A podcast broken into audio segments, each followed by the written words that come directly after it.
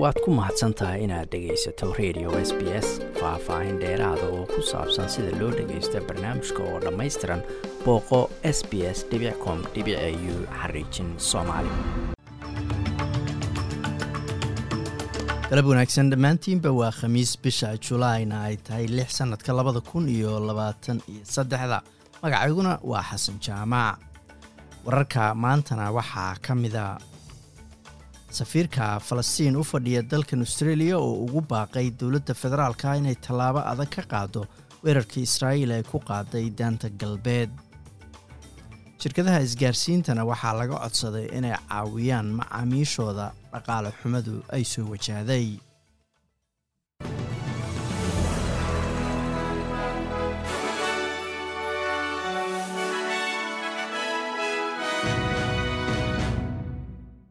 safiirka falastiin u jooga australia ayaa ugu baaqay dowladda federaalka inay meel cad ka istaagto howlgalkii israa'iil ay ka fulisay magaalada janiin ee waqooyiga daanta galbeed ee webiga urdun. Militariga israa'iil ayaa sheegay inay howlgalka labada maalmood socday lagu beegsaday kaabayaal iyo kayd hub halkaasna ay ku dhinteen laba iyo toban qof oo saraakiisha israa'iil ay ku tilmaameen dagaalamayaal mintidiin ah laakiin maamulka falastiiniyiinta ayaa sheegay in howlgalku dhaliyey waddooyin burburay gawaari la gubay siddeetan boqolkiiba guryihii ka dhisnaa xerada qaxootiga ee janiin ah ama la burburiyey ama khasaare u soo gaaray. Senatarad ka tirsan baarlamaanka australia oo aborijinaala ayaa ku boorinaysa shacabka australia ee indigeneska ah inay adkaystaan iyada oo baaritaano la sameeyey ay muujinayaan inay aada u soo kordheen takoorka dadka indigeneska ay kala kulmaan goobaha shaqada dalka australia. Xogtii u dambeysay ee ka soo baxday hay'adda la yidhaahdo diversity council australia oo maanta oo khamiisa la sii daayay ayaa muujinaysa in konton iyo sagaal boqolkiiba shaqaalaha aboriginalka iyo kuwa torest straight islandarka ay wajahaan takoor iyo cagajuglayn inta ay ku sugan yihiin goobaha shaqada. Tan ayaa u dhiganta sagaal boqolkiiba korar ku yimid marka loo eego daraasadii hore ee la sameeyey ee labadii kun iyo labaatan iyo kowgii. Senatarad melandiri makati oo ah kaaliyaha wasiiradda arrimaha dadka indigeneska laftigeeduna ka soo jeeda bulshooyinkaas ayaa a b c da u sheegtay in dadka indigeneska looga baahan yahay inay adkaysi muujiyaan. Dowladda federaalka ayaa ku dooday inay tahay in shirkadaha isgaarsiintu ay macaamiishooda dhibka dhaqaale soo wajahay gargaar u fidiyaan si macaamiishaasi aysan u waayin shaqadooda waxbarashadooda ama adeegyada kale ee muhiimka u ah.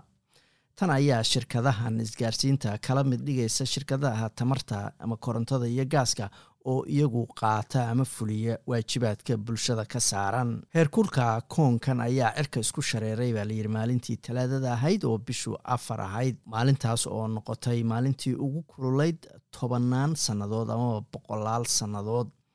Celcelis ahaan heerkulka caalamka oo dhan ayaa gaaray ayaa layidhi toddoba iyo toban digrii celsius maalintii talaadada ahayd. Sida laga soo xigtay jaamacadda maine ee dalka maraykanka madaxweynaha dalka maraykanka joe biden waxaa lala socodsiiyey ama loo sheegay in maandooriyaha kokeynka la yidhaahdo laga helay qeyb ka mid a aqalka cad waxaana laga codsaday ciidanka ilaaladu inay baaraan sida halkaasi uu maandooriyahaasi ku soo galay. Sida laga soo xigto ilo aan magacyadooda la shaacin ciidanka ilaalada maraykanka ee secret serviceka loo yaqaano ayaa budo cad helay iyagoo baaritaan caadiya ka waday aqalka cad maalintii axadda ahayd budada cad ayaa ku jirtay ayaa layidhi bac khafiifa oo waxa ku jira ay muuqdaan waxaana laga helay meel dad badani ay maraan oo aqalka cad ku yaalla wiilka ugu weyn wiilasha uu dhalay madaxweynihii hore dalka maraykanka donald trump ayaa baajiyey khudbooyin uu ka jeedin lahaa dalkan australia iyadoo kooxda casuuntay ay sheegeen in sababtu tahay maadaama fiisadii uu dalka ku soo geli lahaa laga daahiyey ama ay ka daahday donald trump junior ayaa lagu waday inuu khudbooyin ka jeediyo magaalooyinka sydney melbourne iyo brisbane. Inta u dhexaysa bishan julaay sagaalkeeda ilaa kow iyo tobankeeda. Tan ayaa qeyb ka noqon lahayd ayaa layidhi waxaa loo bixiyey trump life tour. Laakiin shalay oo arbaco ahay ayay hay'adda qabanqaabinaysay safarka mr trump. Turning point australia ku sheegtay qoraal ka soo baxay in lagu khasbay inay dib u dhigaan booqashada daahidda fiisada awgeed. Saadaasha hawada berita oo jimcaha magaalada melbourne waa qayb ahaan daruur iyo afar iyo toban digrii sydneyna waa kulayl iyo toddobi iyo toban digrii halkii australian dollar maanta waxaa lagu sarifayay lixdan iyo toddoba senti oo lacagta maraykanka ah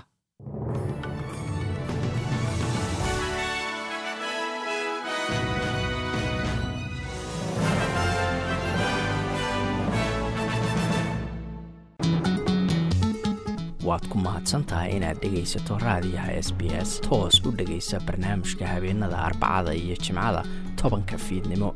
Ama kaga soo cesho website-ka iyaga iyo s b s radio app. Booqo s b s com au xariijin soomaali